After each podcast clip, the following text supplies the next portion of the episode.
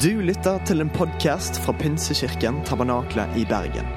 Vi tror at kirken skal være en plass hvor mennesker trives gjennom alle livets faser. En kirke for hele livet. Ønsker du å bli bedre kjent med oss eller holde deg oppdatert? Besøk vår Facebook-side eller ptb.no. Her er ukens tale. Jeg er også veldig glad og begeistra for eh, Jesus. Er det flere som er det? Og noen eh, søndager framover nå så skal vi snakke litt om hva som var typisk Jesus. Har du hørt det uttrykket noen gang? Av og til liksom, når vi opplever noe godt eller opplever noe som liksom Det hadde vi ikke venta, men det er jo så typisk Jesus. Har du hørt det uttrykket av og til? Hvis ikke så kommer du til å høre det noen ganger de søndagene som kommer framover.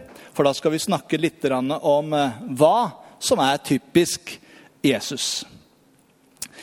I en stadig mer eh, kaotisk verden som vi lever i, og en hektisk hverdag fylt av mange daglige inntrykk, valg som må tas, forventninger og forventningspress, arbeid, press og tress, stress som vi kan oppleve, Eh, så kan vi lære faktisk noe som er typisk Jesus i forhold til hvordan han håndterte disse tingene.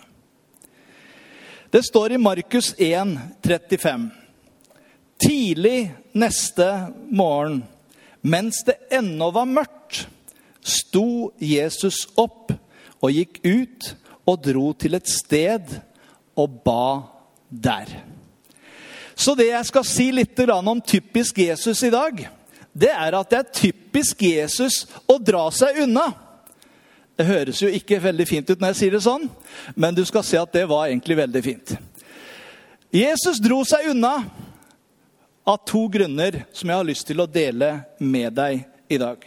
Tenk at Jesus, vårt store forbilde og vår frelser, ofte trakk seg tilbake til øde steder når presset ble stort, og hadde behov for hvile og alenetid med Gud.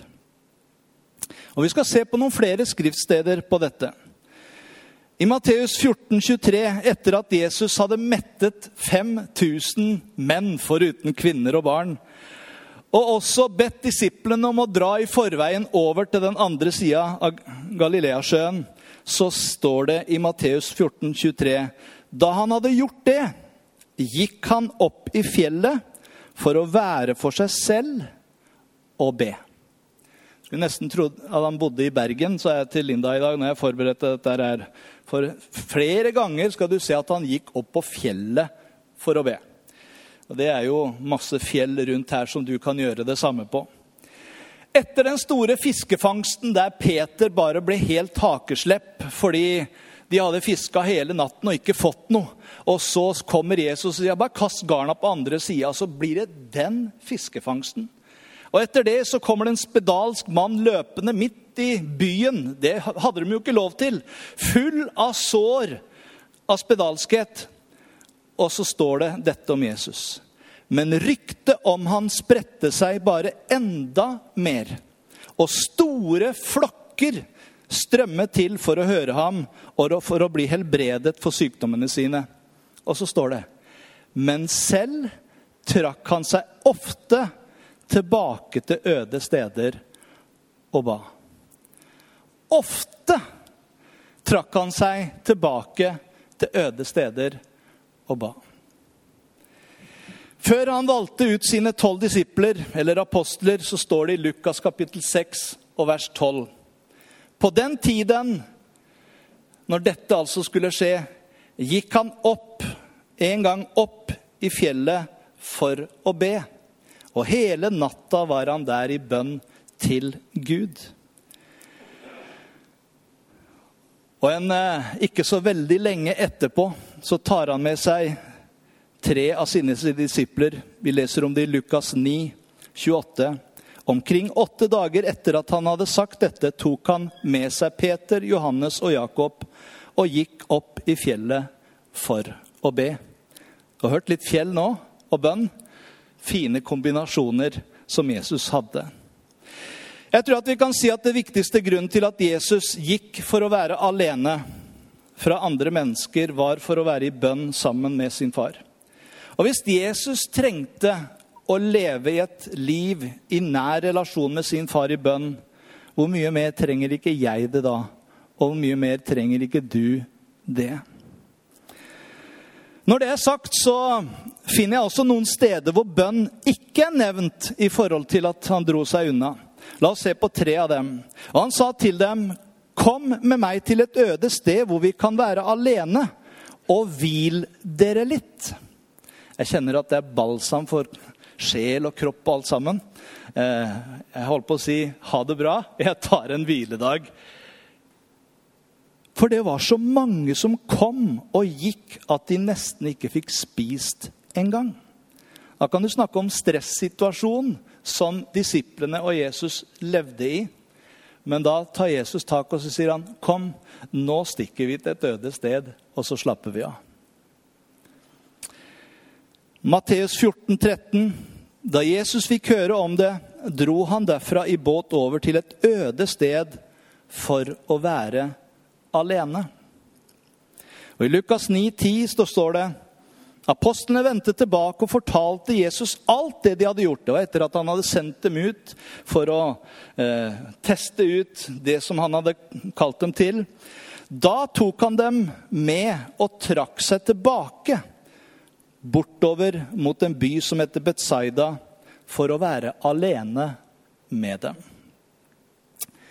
Ja, nå har du fått masse bibelvers, og poenget har du sikkert skjønt. Vi ser her at når presset ble stort, så trakk Jesus seg tilbake for en tid. Enten alene eller sammen med sine nærmeste venner, disiplene.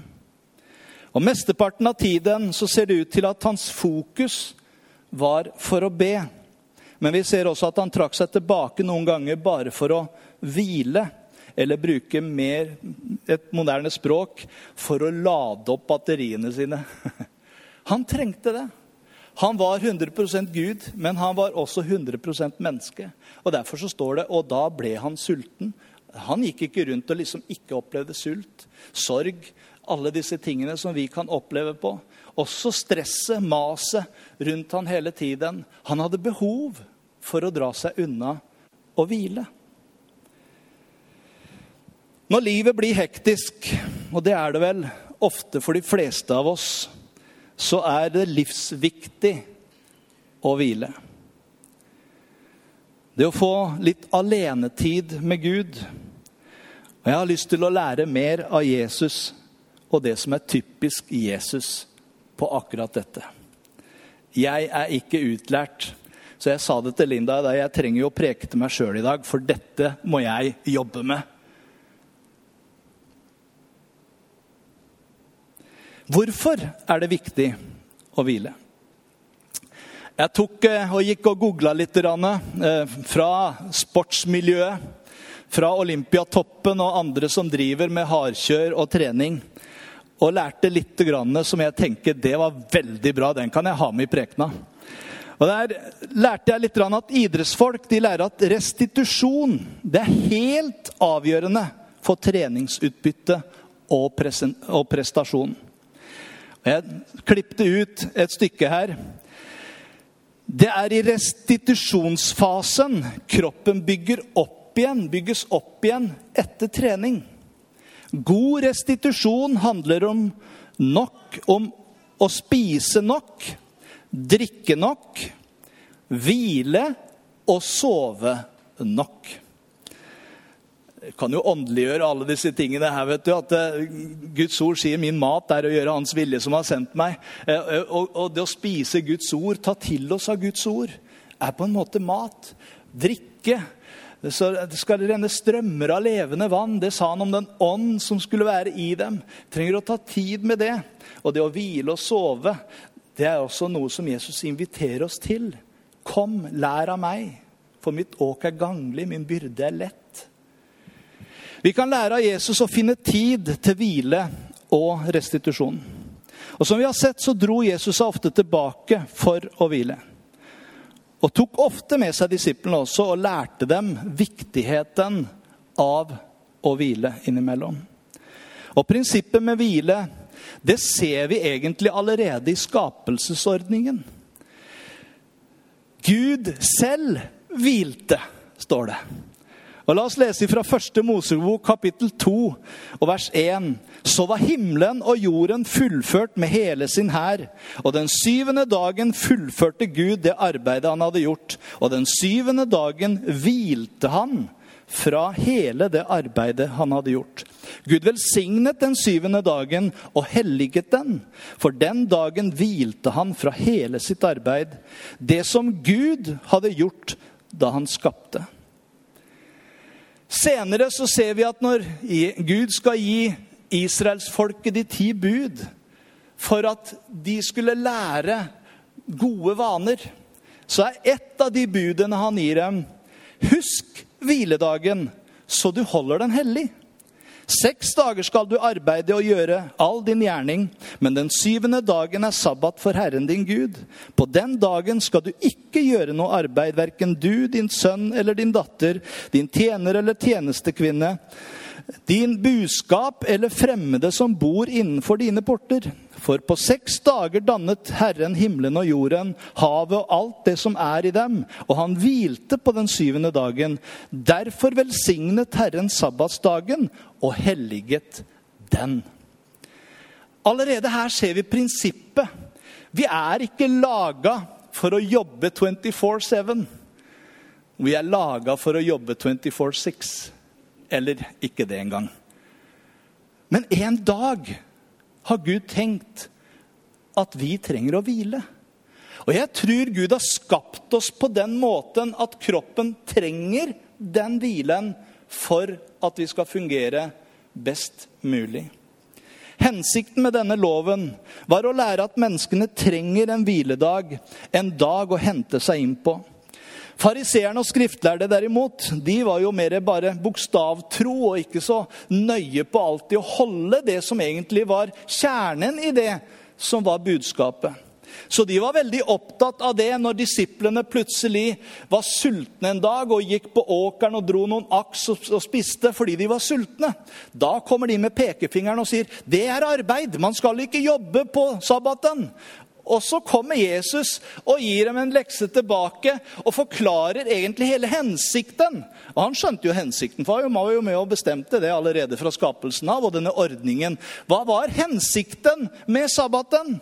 Jo, sier Jesus, sabbaten ble til for mennesket, og ikke mennesket for sabbaten. Derfor er menneskesønnen herre over sabbaten. Så du skal ikke føle det tungt hvis du er den som jobber skift og jobber på søndag eller jobber på sabbaten, hvis du holdt på å si er jøde og bruker det. Men du skal ha en dag hvor du kan sette av og ta fri. For det er det som er godt. Det er det som Jesus egentlig sier her, at vi er ikke laga for sabbaten, men sabbaten er laga for oss. Hviledagen er til for oss. Det er bra for oss å hvile innimellom, for da restituerer vi oss og kan få lov til å yte enda bedre i det vi gjør. Vi lever i en utrolig stressa verden som stadig krever mer av oss. Og det er lett å havne i stress pga. alt det vi ikke rekker over å få gjort. Og jeg føler meg skyldig der også. Kanskje det er flere her. Og dette stjeler krefter fra oss. Vi er kalt til tjeneste for andre mennesker. Men denne tjenesten blir veldig lite verdt hvis vi ikke har energi igjen til å dele med noen. Derfor er det viktig at vi lærer oss kunsten å slappe av. Og hente oss inn igjen og hvile. Gud måtte hvile etter skapelsen. Jesus måtte hvile. Han lærte disiplene sine å hvile. Og det sier litt hvor viktig det er også at vi lærer det og finner tid nettopp til å hvile. Det hadde du ikke tenkt skulle være første talen i typisk Jesus, at jeg skulle oppmuntre dere til å hvile. Men jeg bare ser liksom en del allerede har senka skuldrene litt. Tenk at jeg får lov til det. Du skal få vite litt mer.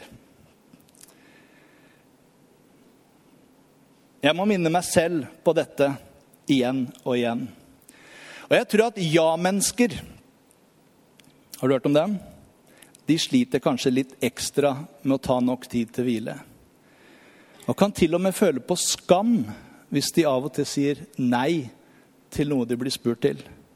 Hvis de skulle prioritere å lade opp i stedet. Men er du et ja-menneske, også i starten, der hvor vi trenger folk i alle leire, så vær snill og ikke si ja til mer enn det du greier og rår over. For du også trenger hvile.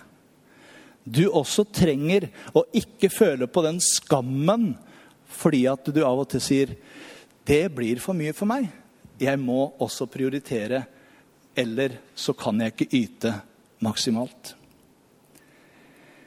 Du må velge hvile av og til. Og tanker og dårlig samvittighet for det ugjorte kan du legge fra deg. La andre aktiviteter av og til vike plassen for det viktigste som du er kalt til. Ikke å gjøre, men å være nær Jesus.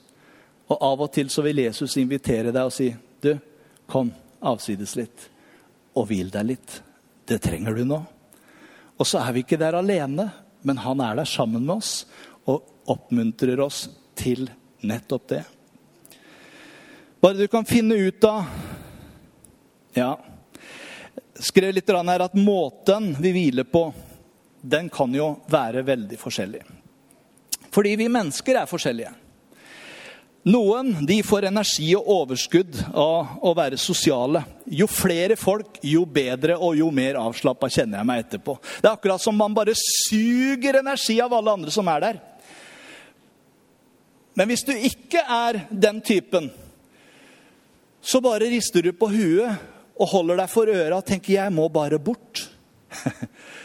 og de tar seg kanskje en tur ikke med en hel skokk med folk opp på fjellet. Nei, alene helst. For da kjenner jeg jeg får påfyll. I naturen, med Gud alene, med naturen. Og så kjenner en den bare fylle på. Så jeg skal ikke fortelle deg på hvilken måte du skal hvile. Men jeg har lyst til å oppmuntre deg til å finne hvile også i det å være Guds barn.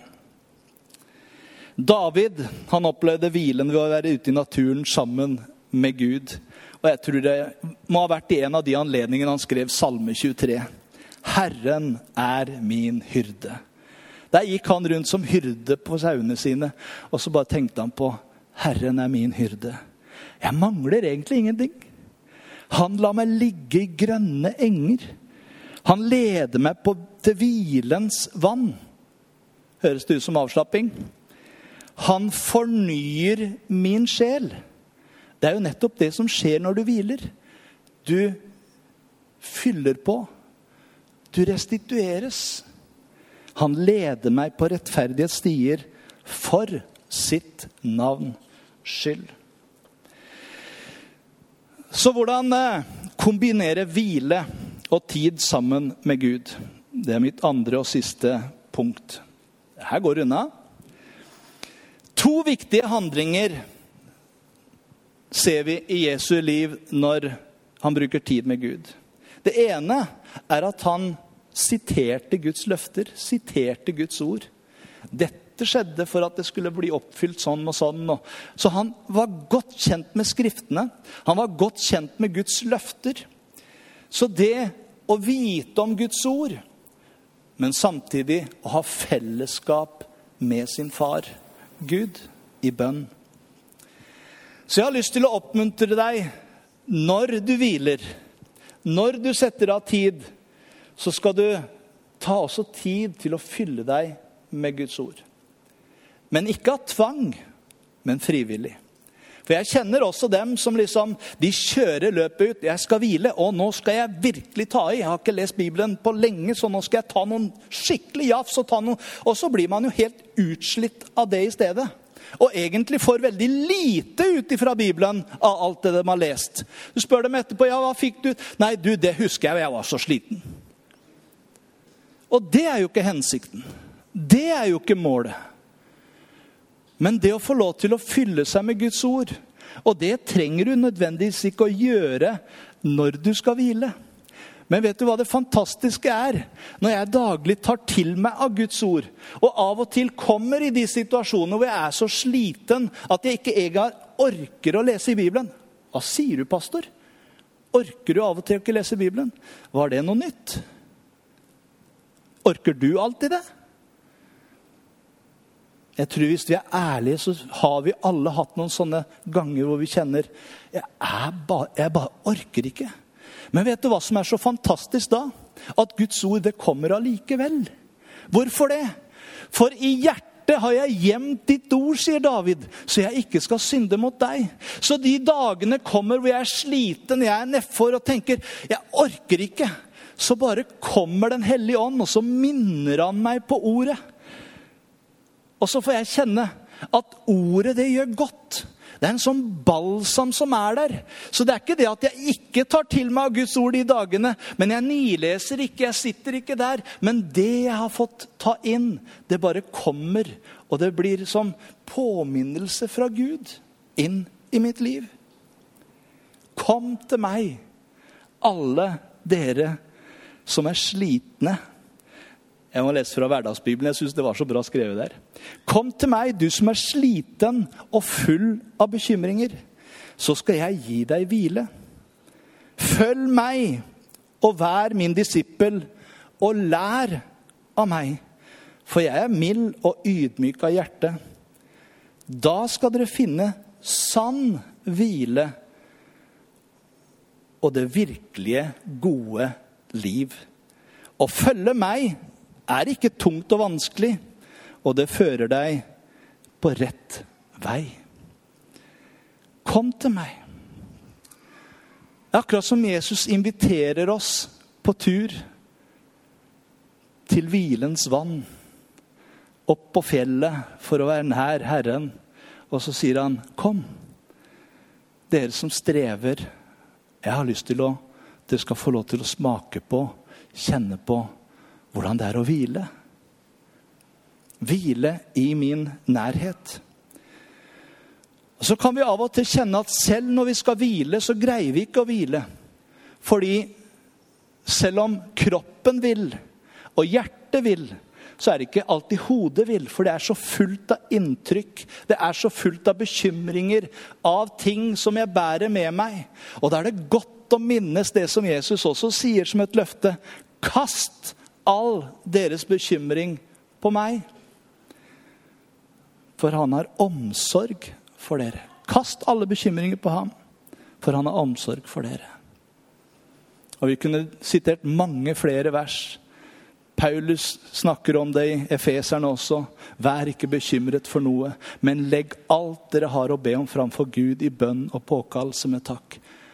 Og så kommer du inn i en hvile, og Guds fred, som overgår all forstand, skal bevare ditt hjerte og dine tanker. Og Jeg har mange ganger måttet be Gud Gud, nå trenger jeg virkelig å hvile. Men huet er så kjørt, så jeg vet ikke, jeg greier ikke helt å koble av. Så jeg har måttet be Gud kan ikke du ved din Hellige Ånd bare komme, og så tar du en liten hjernevask der oppe. Forstå meg rett. Altså, Av alle tanker og bekymringer som er der, så jeg kan få lov til å kjenne på din hvile. Det er fantastisk hvor mange ganger jeg har bare fått lov til å kjenne at Gud kommer. og Så fyller han tankene med sin godhet og andre ting i stedet. Og løfter og lovsang. Lovsang, det er fantastisk. Det fører deg rett inn der hvor du får lov til å bare legge av alt det som tynger. Senest i dag, jeg har ikke skrevet det opp, men det står eh, når Jesus snakker i tempelet og rydder tempelet, så står det av småbarn og dibarns munn har du reist deg lovprisning. Men det egentlig han siterer til i Salme 8, der står det har du reist deg et vern mot dine fiender for å stoppe stoppe munnen på fienden og den hevngjerrige, står det der. Så egentlig, når du lovpriser Gud, så skaper du et, en vegg, en mur. Ikke for at folk eller andre ikke skal komme inn, men for at fienden ikke skal komme inn med alle de ødeleggende tankene som han ønsker å kjøre i hodet ditt med. Og du kan få lov til å finne hvile. Så det å lovprise, det er egentlig å stenge døra for disse tingene og åpne døra for nærværet av Gud i ditt liv. Bønn. La meg avslutte med det. Det var noe i den måten ja, Jeg må ta med det verset i Jesaja 43 også. De som venter på Herren, får ny kraft. De løfter vingene som ørnen. De løper og blir ikke utmattet. De går og blir ikke trette. Det er av og til godt å bare sette seg ned og vente på Herren. Av og til så har jeg tatt meg i at jeg, skal, jeg må liksom hjelpe Herren å få til ting. Jeg vet ikke, det, det, gjør jo selvfølgelig aldri du. Eh, men liksom når du kjenner at nå går det ikke fort nok her, nå må jeg trå til her på dine vegne. Eh, det går sjelden bra. Men jeg har lært meg det at hvis jeg får vente på Herren, så gjør han det i sin tid. Og så slipper jeg å ta bøygen for det og stresset med det. Men det skjer når det skal skje. Men det skjer i Herrens tid. Den som venter på Herren, får ny kraft. Jesus han hadde en spesiell måte å være på. Typisk Jesus å være sammen og be. Og det var noe i måten Jesus ba på, som gjorde at disiplene de kjente dette må vi lære. Dette kan ikke vi. Var det sånn at disiplene ikke hadde lært å be? Jo, selvfølgelig hadde de lært å be. Det var jo noe alle jøder lærte. Hvordan de skulle be. De hadde faste tider ved å be. Det står at Daniel han ba tre ganger om dagen. Og det var ikke bare fordi at Daniel var så flink, men det var noe alle jøder, alle i, av Guds folk, lærte. Tre ganger om dagen så er det tider hvor de skal be. Så det visste de. Men når de, de kommer til Jesus og, og, sier, 'Jesus, lær oss å be', så var det ikke på en måte den pliktbønnen de trengte å lære. Men det var noe i måten Jesus ba på, som de kjente når han kommer ned fra fjellet og har bedt ja, da er det på en måte en annen Jesus. Forstå meg rett. Det er akkurat som han er så full av kunnskap, og ingen kan tale sånn som han taler. Ingen gjør de undrene han gjør. For Gud er med han, sa folk. Men det var noe som skjedde i det samfunnet når han var med sin far. Og bønn handler ikke om prestasjon og fine ord, sier Jesus til dem når han skal lære dem å be. Ikke gjør som fariseerne og de skriftlærde som står på gatehjørnet og ber flotte bønner for at folk skal se dem. Ikke gjør det du heller i life-gruppa eller på møter eller der hvor du måtte være for at folk skal tenke 'Wow, for noen oratoriske gaver den personen har'. Det var ikke sånn Jesus ba. Det var en samtale med pappa i himmelen. Og Derfor så sier han ikke 'gjør sånn'. Og ikke utbasuner så veldig hva du skal be om heller. Så han bruker heller uttrykket 'gå inn i ditt lønnkammer og be til han som ser i det skjulte'. Han skal lønne deg i det åpenbare. Det er de tingene som kommer først. Og så lærer han dem det som jeg kaller for mønsterbønnen. For det er ikke en repeteringsbønn. Fordi han har jo nettopp sagt at ikke driv med tomme repetisjoner sånn som de andre gjør, sier han. Så hadde det vært det som var planen i dette, her, så hadde han ikke sagt og lært dem denne bønnen. Men det er noe i denne bønnen han ville de skulle vite. Når han begynner og sier, 'Slik skal dere be'. Vår Far i himmelen. Hvem er det dere ber til? Det er ikke en langt der oppe, en som du ikke kan få tak på, men det er din far. Det er din far. Han har et hellig navn. Be om at hans rike skal komme. Det betyr be om at det han vil skal skje, må skje. La din vilje skje på jorden som i himmelen. Og så kommer han inn på det som er det daglige brød. Og Vi ber sjelden 'Kan du gi meg daglig brød?' Men det, brødet for deg kan være å betale regninga, kan være å ha jobben som du har bedt om. Det kan være forskjellige timelige ting som du trenger å be om, som er ditt daglige brød. Så kan du få lov til å fortelle ham det. Og så sier han, 'Tilgi oss vår synd'. Vi trenger hele tiden å leve i en tilgivende holdning overfor Gud. Fordi vi synder og vi feiler ofte. Og også med hverandre. Og derfor så sier han, 'Tilgi oss vår synd, slik som vi også tilgir våre syndere.' Eller skyldnere. Ja, gjør jeg det, da? Ja, Men du må gjerne gjøre det. Det er akkurat som han kommer, og så bare oppmuntrer han til det. Og la oss ikke komme i fristelse, men frels oss fra det onde. Så er det noen som mener at det står, og andre mener ikke står i de tidligste eh, skriftene. Men så står det For riket er ditt, makten og æren, i evighet. Amen. Hvem er det du ber til? Hvordan ber du? Hvordan formulerer du det? Og Jesus lærte dem dette.